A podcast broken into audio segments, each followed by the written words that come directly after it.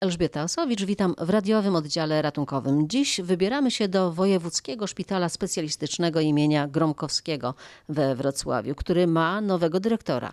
Dominik Krzyżanowski zastąpił na tym stanowisku wieloletniego szefa tej placówki Janusza Jerzaka. Szpital przy Koszarowej nie jest dla nowego szefa miejscem nieznanym, bo wcześniej Krzyżanowski kierował Wydziałem Zdrowia Dolnośląskiego Urzędu Marszałkowskiego. Pierwsze dni to jednak poznawanie zespołu i dokładne przyjrzenie się kondycji finansowej finansowej, a ta według pierwszej oceny jest dobra. Ma dodatni wynik finansowy, mówiąc e, pod względem formalnym, takim czy zarządczo-ekonomicznym, ale ze względu na czas pandemii, jak wiemy, ten szpital służył przede wszystkim pacjentom covidowym, co ma niestety, co miało niestety swoje konsekwencje. Ale dlaczego niestety covidowe te wszystkie procedury były dobrze płacone? Był bardzo przydatny dla pacjentów covidowych, zespół się bardzo zaangażował, ale to jest związane z wyłączeniem wyłączeniem, czy było związane z wyłączeniem pewnych zakresów działalności, na przykład zakresem e, chirurgicznym, zmniejszeniem zakresu internistycznego. I teraz jesteśmy na etapie odbudowywania potencjału przede wszystkim specjalistów, którzy chcieliby pracować w tym szpitalu dla dobra Dolnośląsaków w tych e, zakresach, e, które zostały wyłączone. A odeszli w czasie pandemii, no, tak? Odeszli w czasie pandemii tam, gdzie chociażby mogli operować. Nie? Chirurg może funkcjonować wtedy, kiedy i się rozwijać wtedy, kiedy może operować, kiedy może dobrze, dobrze operować. Nie? Wtedy to jak w tej chwili u Was działa chirurgia? Działa chirurgia, ona zaczyna działać na bardzo dobrym poziomie. Udało się zebrać i zorganizować e, zespół, odbudować ten zespół, ale musimy jakby uzupełnić e, te okresy, w których szpital w tych zakresach nie funkcjonował. To jakich specjalistów jeszcze szukacie? Będziecie pewnie dawali ogłoszenie, to nasza rozmowa może być takim pewnego rodzaju ogłoszeniem, tak? Szukacie kogo? Szukamy lekarzy de facto wszystkich specjalności, ponieważ oni mogą nam rzucić nowe światło na kierunki rozwoju szpitala. My mamy już jakieś wyznaczone kierunki rozwoju szpitala, ale specjaliści, którzy chcieliby się zaangażować, mogą e, podpowiedzieć, mogą e, dzięki swojej inicjatywie, wiedzy, zaangażowaniu, umiejętnością spowodować, że akurat także w ich kierunku popatrzymy. Bardzo nam są potrzebni specjaliści w zakresie anestezjologii, intensywnej terapii, ale szczególnie tacy, którzy chcą i mają predyspozycję do tego, żeby pracować w intensywnej terapii pediatrycznej. Ten personel pielęgniarski, jak tutaj sytuacja wygląda? Bo na przykład szpital przyborowskiej kliniki przyjmą każdą liczbę pielęgniarek. My także, my także y, jakby jesteśmy w stanie zaangażować y, pielęgniarki także na oddziale neonatologicznym położne, ale tutaj sytuacja jest znacznie lepsza niż y, w niektórych zakresach w zakresie kadry lekarskiej. W jaki sposób szykujecie się do siódmej fali pandemii? Bo widać po liczbie zachorowań, że znowu rośnie. No na razie całe szczęście liczba zachorowań i osób, które mają powikłania tego zachorowania, ona rośnie, ale jakby na razie w niewielkim poziomie. No czekamy na wytyczne centralne, czyli ministra zdrowia, pana wojewody i samorządu, w jakim kierunku nasz szpital będzie funkcjonował w zakresie kolejnej fali. Na razie pacjenci Ci są pacjentami oddziału chorób zakaźnych i oddziałów pediatrycznych. Oczywiście oni są poddani izolacji. Macie swój punkt szczepień? Tak jest. Można do Was przyjść i się zaszczepić. Tak jest, tak, serdecznie zapraszam. A jakie jest... Chciał, nie? Tak, właśnie, a jakie jest zainteresowanie? Nie odbiegamy od średniej wrocławskiej, wojewódzkiej czy polskiej.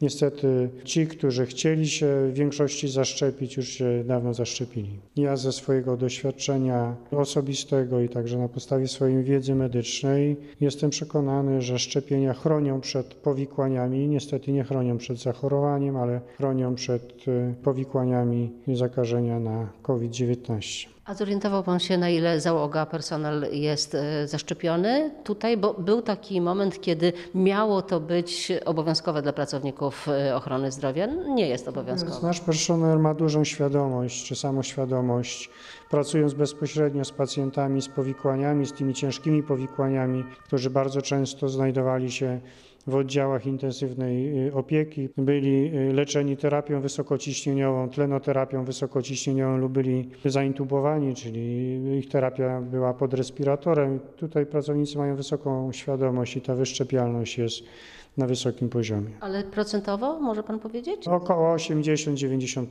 To przejdźmy teraz do pawilonu pediatrycznego. Kiedy za oknem jest e, ponad 30 stopni, to tam jest gorąco naprawdę. I co roku powtarza się ta sytuacja, że rodzice, pacjenci, rodzice pacjentów e, mówią, telefonują do nas, że nie da się wytrzymać. Jaki macie plan? Co chcecie zrobić? No jesteśmy po analizach, nawet ostatnio na zarządzie, żeśmy dość mocno dyskutowali na ten ważny temat. Ważny ze względu na samopoczucie i jakość udzielanych świadczeń dzieci i ich rodziców. No, rozważamy tutaj różne warianty. Prawdopodobnie, ale tu jeszcze nie podjęliśmy ostatecznej decyzji, będziemy zmierzali w kierunku rolet zewnętrznych, które będą chroniły przed światłem słonecznym. One w części są, tak? Tak jest i będą zmniejszały temperaturę. Zastanawiamy się trochę nad innym rodzajem rolet, ponieważ te mają zbyt dużą przepuszczalność dla promieni słonecznych, a dzięki temu ta temperatura jednak jest, jak się okazuje, zbyt wysoka.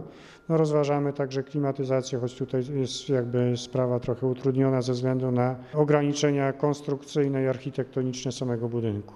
No na pewno klimatyzacja to też koszty i już w tej chwili koszty prądu, a na jesień, zimę ogrzewania, jak pan patrzy na to, jak to może uderzyć w szpital? Na pewno jest to duże obciążenie, y, podniesienie kosztów y, energii ogrzewania. No my korzystamy z nazwijmy to ogrzewania miejskiego.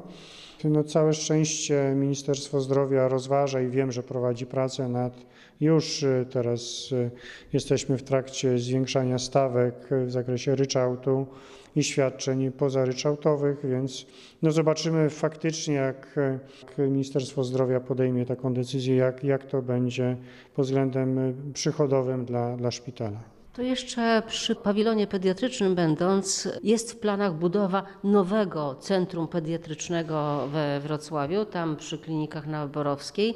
Na ile wy tutaj macie jeszcze miejsca, na ile jesteście obłożeni, na ile pan uważa, że takie centrum jest potrzebne dla takiego dobrego funkcjonowania? Na pewno centrum pediatryczne jest potrzebne dla Wrocławia. Widzimy, że koordynacja pacjentów pediatrycznych i wsparcie ich rodzin jest niezbędnym elementem udzielania świadczeń w naszym mieście. My mamy w swoim szpitalu dość mocne centrum. My to nazywamy, nazwijmy to operacyjnie roboczo Centrum Pediatrii w zakresie rodzajów i ilości udzielanych świadczeń pediatrycznych.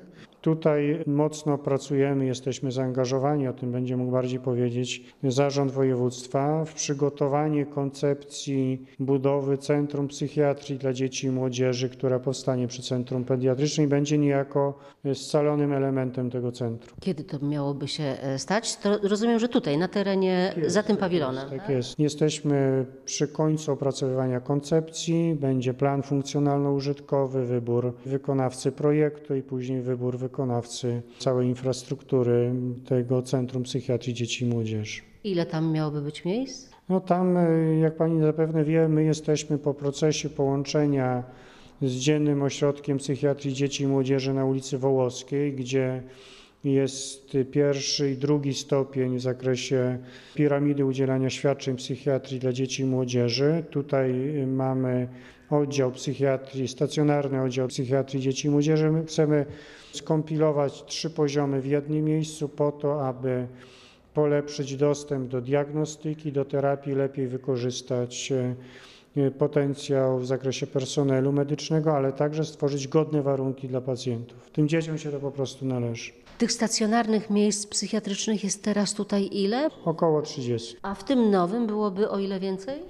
Wiemy, że w naszym województwie także powstanie Centrum Psychiatrii, duże Centrum Psychiatrii dla Dzieci i Młodzieży y, w innej części województwa. Już mamy oddziały psychiatryczne bodajże w Lubinie i ono już jest też na zaawansowanym etapie. Tutaj jakby niespecjalnie chcemy zwiększać, chcemy skomasować, ale wiemy, że są większe potrzeby w tym zakresie. Mamy aktualnie 29 łóżek rzeczywistych na Wydziale Psychiatrii dla Dzieci i Młodzieży. Obłożenie tych łóżek bardzo często jest ponad 100%, 105, 107, czasami nawet więcej procent, więc widzimy, że zapotrzebowanie na tą formę opieki jest bardzo duże. No COVID nam w tym nie pomógł. Dzieci poprzez izolację no, doświadczyły pewnych trudności, niektóre nawet pewnych traum życiowych i, i według naszych analiz, konsultacji z konsultantem krajowym w zakresie psychiatrii dzieci i młodzieży i konsultantem wojewódzkim planujemy zwiększyć liczbę łóżek stacjonarnych do około 40. Pracy szpitala przy Koszarowej będziemy przyglądali się jeszcze nie raz, nie tylko w kontekście psychiatrii czy chorób zakaźnych. Dziś w radiowym oddziale ratunkowym to już wszystko. Elżbieta Sowicz, do usłyszenia.